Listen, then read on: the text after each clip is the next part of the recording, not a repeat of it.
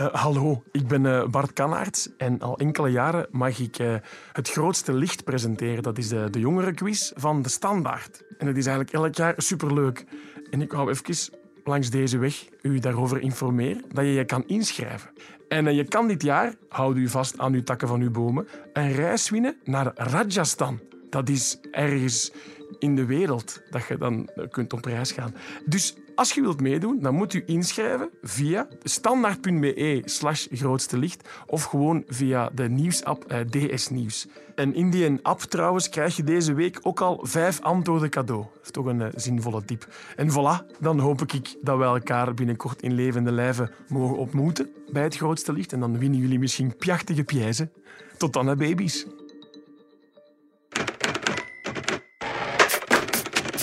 DS Audio. Journalistiek om naar te luisteren.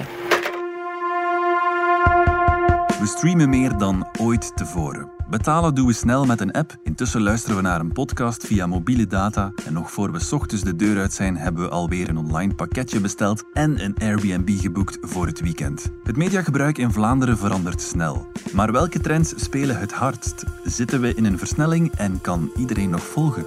Het is vrijdag 28 februari. Mijn naam is Niels de Keukelare en van op de redactie van De Standaard is dit DS Audio.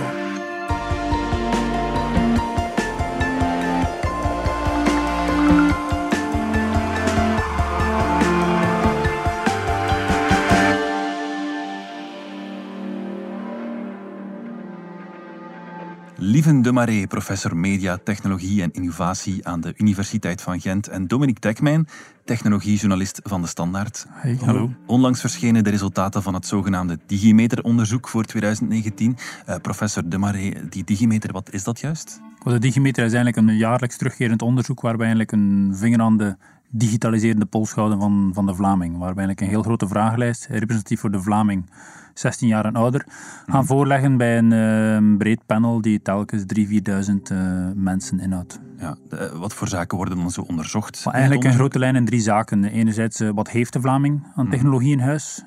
Twee, wat doet de Vlaming daar dan mee met die technologie? En de derde, hoe voelt de Vlaming zich daarbij? Het eerste Digimeter-onderzoek dateert van 2009. We zijn nu tien jaar verder.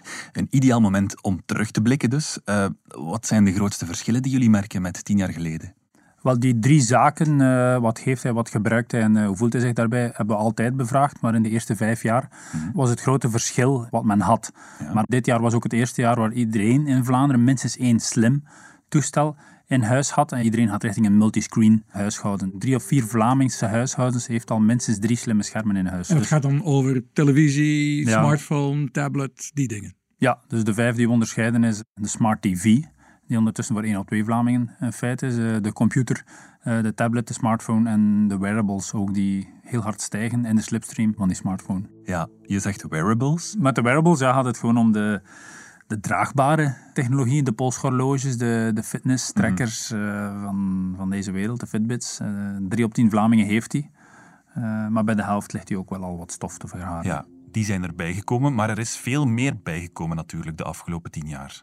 Ja, in die tien jaar tijd zien we dat de Vlaming alsmaar breder gegaan is in het aantal toestellen en schermen die hij in zijn huishouden heeft. Mhm. Waar we vandaag zijn, iedereen heeft veel toestellen. Uh, drie op vier heeft minstens drie slimme schermen ter zijn persoonlijke beschikking.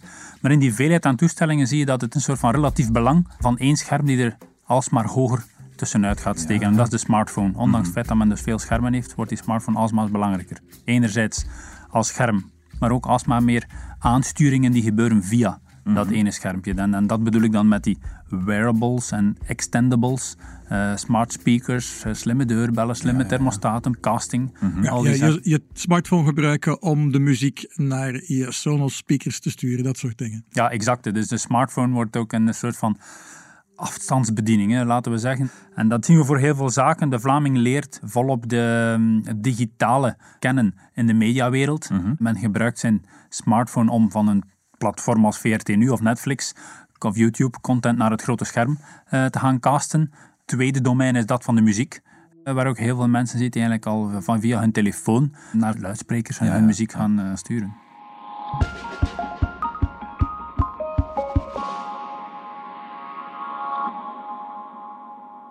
Drie op vier Vlamingen heeft minstens drie slimme schermen ter beschikking, dan kan je niet anders dan besluiten dat we in een digitaal tijdperk leven. Maar die digitale golf, is die nu al volledig aangespoeld of moet de piek nog komen? Digitale disruptie is voor mij iets die inderdaad in golven komt. Uh, en voor mij zijn er in grosso modo vier grote golven te onderscheiden. De eerste golf was die van het internet, jaren 95 gestart, tien jaar lang de golf van het internet. Dan de mm smartphone-golf, de mobiele golf, midden jaren 2000 tot, tot, tot 2015 ongeveer. Dan is die, de derde golf voor mij is Internet of Things en de vierde AI, artificiële intelligentie. Die eerste twee golven, dus het internet en de smartphone. Ja, elke Vlaming heeft zowat die smartphone en het internet in zijn of haar huishouden. Ja. Waardoor we op een punt gekomen zijn dat we kunnen zeggen, wat heeft dat teweeggebracht? En daar zijn een aantal zaken, zoals het belang van de smartphone, andere mhm. kijk- en leespatronen, waar we toch een conclusie kunnen gaan trekken. Maar tegelijkertijd heeft dat ook een gevoel nagelaten bij de Vlaming. En dat gevoel zou wel eens bepalend kunnen zijn van hoe de Vlaming op die volgende golven, eh, die ze nog als veel groter aankondigen, die van het Internet of Things en AI, hoe men die golven zal nemen. Je hebt het al een aantal keer vermeld, Internet of Things, slimme toestellen die met elkaar communiceren en artificial intelligence. Wat moeten we daaronder verstaan, die laatste, die artificial intelligence? Wat moet je eronder verstaan? Dat eigenlijk een, vroeger had je de kennis van een programmeur die in een bepaald programma geprogrammeerd zat. Mhm. AI is eigenlijk een intelligentie waar de computer zelf gaat uh, redeneren en uh, die intelligentie geraakt in als uh, maar meer technologie en diensten ingebouwd. Ja. Mhm. ja, dus veel mensen hebben nu intussen een slimme luidspreker in huis staan. Daar zit je eigenlijk met een beetje spitstechnologie op het vlak van AI. In plaats van dat je op een computer een instructie intikt, uh, vraag je aan de slimme luidspreker wat je wil. De slimme luidspreker doktert uit wat je eigenlijk bedoelt en geeft je dat dan.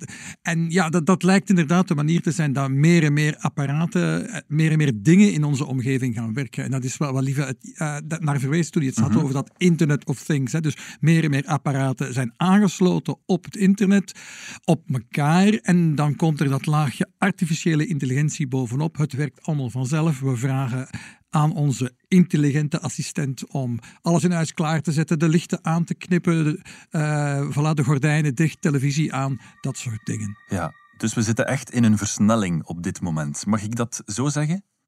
Wel, dat, dat is toch wat ik, uh, liever, wat ik in jullie, jullie digimeter las dit jaar. Hè. De voorbije jaren zagen we alles met een millimetertje per jaar na, naar voren kruipen. En dit jaar zaten er heel veel dingen te gebeuren.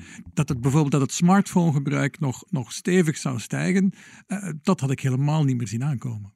Nee, dat is een versnelling, laten we zeggen, met een aantal tempoversnellingen tussenin. Hè. We hebben allemaal toestellen in huis gekregen. Die zijn we in eerste instantie, een, een, smartphone is er gekomen als een beltoestel, maar daar doen we alsmaar meer mee. Voor elke nieuwigheid heb je altijd een klein groepje innovators, early adopters. Een klein mhm. groepje nerds, we kennen die allemaal in onze omgeving, de eersten die iets hebben. En vaak blijft dat ook bij dat ene groepje. En de rest van de maatschappij blijft wat onzeker afwachtend kijken van is dat wel iets voor mij? Ik kijk de kat wat uit de boom. Maar plotseling al is daar zo'n momentum. Als je 12 à 15 procent van de samenleving hebt overtuigd en die gebruiken dat op een goede manier, dan kan het plots zeer snel gaan. Mhm. En dat zie je op heel veel vlakken. Hè. Netflix is een mooie voorbeeld. Hè. bovenop het klassieke zendergestuurde kijken hebben online platformen waar Netflix uh, de markt heeft opengebroken, de referentie heeft geleid qua gebruiksvriendelijkheid en prijs. Mhm. Maar vandaag heb je 40% van de Vlamingen die Netflix gebruiken, uh, eh, 31% die er ook voor betaalt. Uh, dus die zijn al heel duidelijk voorbij die kloof. En die kloof overbrugd, dat zie je plotseling voor heel veel. Heel veel platformen zijn net over op, op die drempel. We zien dat voor muziek beluisteren, uh, het Spotify gebeuren. We zien dat voor uh, gepersonaliseerde nieuwsapps, 11, 12 procent van Vlaanderen die dat uh, dagelijks gebruikt. We zien dat voor podcasts, 12 à 14 procent van Vlaanderen, bij jongeren 20 procent. En dat is de mediawereld. Maar ook buiten die mediawereld zie je dat men die gewoontes aan het meenemen is. En dat zien we in de deeleconomie, uh, het, het, het Airbnb'en, het, het uh, deelsteppen en dergelijke. Dat, dat, dat, dat, zit ook op die grens om het komende jaar uh, een grote sprong voorwaarts te maken. Het als mobiel betalen.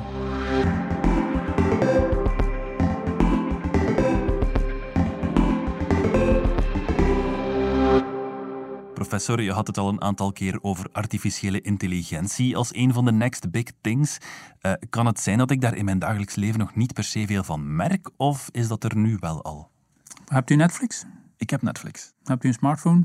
Absoluut. Dan denk je dat u onbewust wel al een gebruiker bent van artificiële intelligentie. AI of artificiële intelligentie, dat, dat kan zeer veel. Artificiële intelligentie kan u helpen om puur wat informatie aan te reiken. Een stapje verder in de artificiële intelligentie kan u helpen om een, om een soort van gidsfunctie te zijn. Eh, Dat, dat zie je bij Netflix bijvoorbeeld. Eh, Zou dit niets voor u zijn? Ja. Want u hebt de vorige 16 weken ook al heel vaak actiefilms of series eh, bekeken.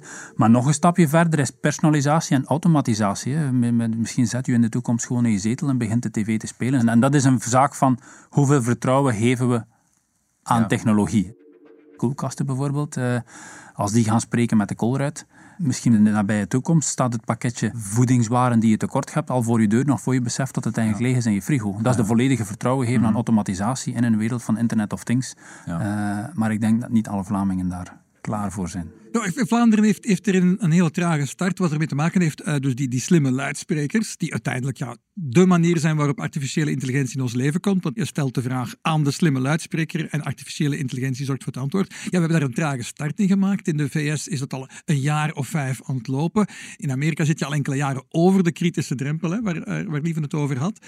Eh, daarentegen bij ons is die startrijk pas vorig jaar geweest. Maar ik heb de indruk dat dat inderdaad in Vlaanderen een moeilijke start is aan nemen. En ja, dan vraag ik me af hoe dat de volgende jaren verder gaat. Ja, ik ging het net vragen, professor. Hoe voelt de Vlaming zich bij al die digitale ja, evoluties die nu aan de gang zijn? Heel veel van die technologie is moeilijk vatbaar, hè, moeilijk tastbaar. AI, artificiële intelligentie, een voorbeeld bij uitstek. En onbekend is per definitie ook onbemind.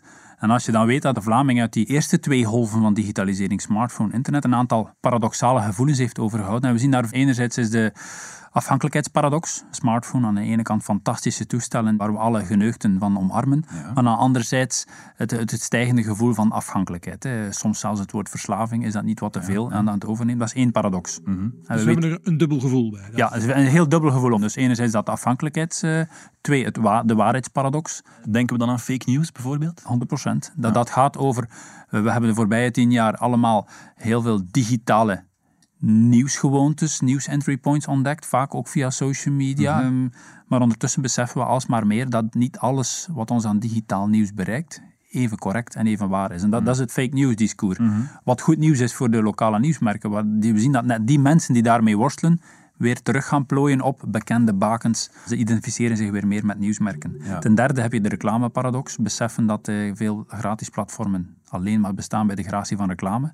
Maar tegelijkertijd doet men er alles aan om reclame te ontwijken. Ja.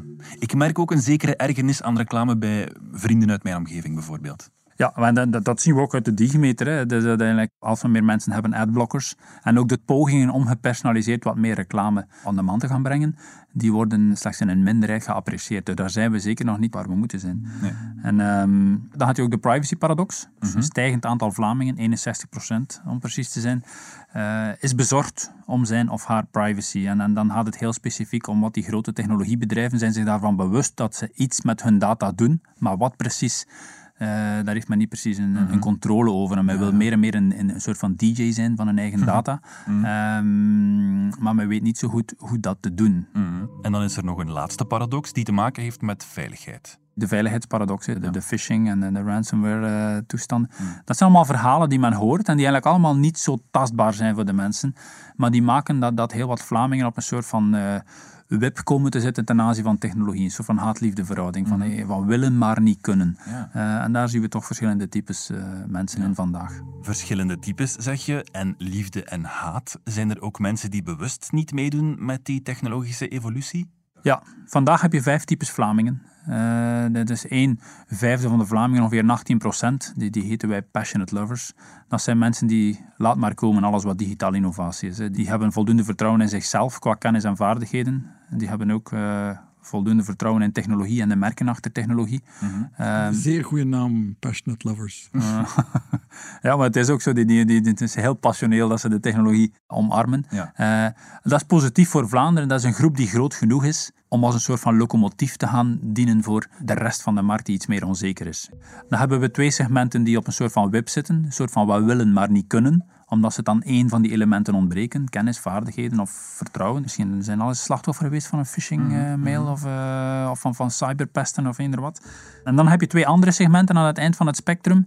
Eentje die relatief hoger opgeleid is, die technologie snapt, maar die heel bewust een afstand inbouwt. Die heel bewust privacy-instellingen instelt, die, die zijn of haar kinderen eh, schermtijdregels gaat opleggen. En die voelt zich daar ook oké bij. Ja. Dus die snaptechnologie, maar die heeft dat bewust afstand gehouden.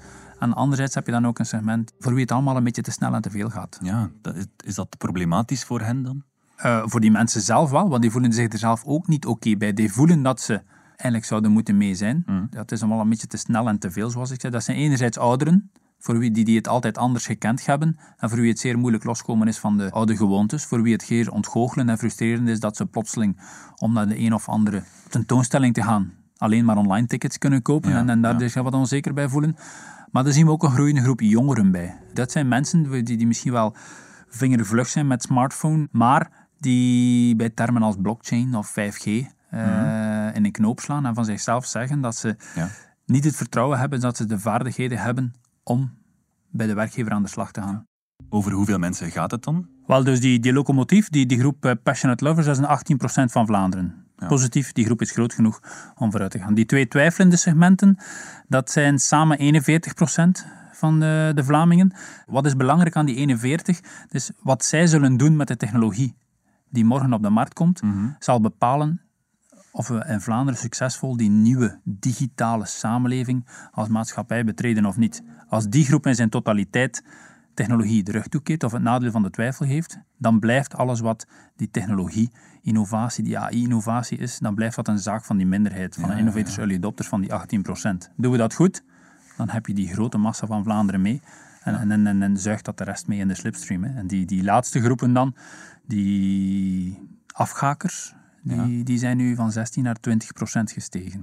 Dus dat is ook al 1 op 5. ja, dus, ja, dus dat, daarom, dat, dat mag naar mijn gevoel niet genegeerd worden. En daarom moeten we, bijvoorbeeld in zaken mediawijsheid, hebben we al zeer mooie zaken in Vlaanderen, denk ik. Als, als, een, als er een school of een ouder met, een, met iets qua sexting of cyberpesten te maken heeft, daar zijn uh, mooie pakketjes voorhanden om dat bespreekbaar te maken met mensen. Mhm. Maar die angst is een soort van technologieangst die, die, die, men heeft, om ook uh, die drempel wat naar beneden te halen. Uh, dan, dan moet je die mediawijsheid eigenlijk wat gaan uit gaan breiden naar zaken mhm. als algoritmewijsheid, uh, een soort van basisconcepten waar men vertrouwd geraakt met AI, algoritmes. Uh, dat dat niet alleen het, het, verre, verre, discours is dat je hoort van de Facebooks die, die, die bedotten je en steken alleen maar in een filterbubbel en zo. Zeg, waarom is dat belangrijk, lieve, denk je, dat, dat iedereen mee is? Zeker die jongeren, denk ik, die, ja, die moeten wel aan de slag in die digitale economie. Hè. We hebben zijn geen economie meer die, die het van, van craftsmanship, van vaardigheden uh, gaan, gaan hebben. In die kenniseconomie moeten zij mee. En als zij daar dan al een soort van met de rem op naar technologie gaan kijken, omdat ze het niet snappen, is er niks mis mee. Die mensen voelen zich daar ook best oké bij, maar die snappen ook wat ze doen. Als, als je ergens met de rem op staat, omdat je het gevoel hebt van hey, onbekend, onbemind en ik ga niet mee, mm dan zit je toch met een, met een probleem, denk ik. Ja. Hoe kunnen we hen overtuigen om uh, dan toch daaraan deel te nemen? Ja, ik denk enerzijds, ze moeten, ze moeten gewoon vertrouwen krijgen. Dat, op zich is dat normaal, hè? dat alles wat nieuw is, botst altijd op een zekere weerstand. Hm. Die weerstand moet naar beneden geholpen worden. En dan denk ik dat het op een zaak is van niet te hard te gaan. Want technologisch is er zeer veel mogelijk. Uh, maar je moet dat op het tempo doen. Van de traagste is niet het juiste woord. Maar mens, markt en maatschappij moeten een soort van gelijk tempo uh, gaan volgen. Als daar eentje heel hard vooruit schiet, uh, dreigt de rest af te haken. Professor Lieven de Marais, Dominique Tekmijn, dankjewel. Graag gedaan. Alsjeblieft. Dit was DS Audio. Wil je reageren? Dat kan via dsaudio.standaard.be. In deze aflevering hoorde je Lieven de Marais, Dominique Dekmijn en mezelf Niels de Keuklare. Ik deed ook de redactie, de eindredactie gebeurde door Wouter van Driessen. Brecht Plasgaard deed de audioproductie en schreef ook de muziek die je hoorde in deze podcast. Chef audio is Wouter van Driessen. Vond je deze podcast interessant? Weet dan dat je er elke werkdag één kunt beluisteren. Dat kan via de DS Nieuws app of via standaard.be-audio.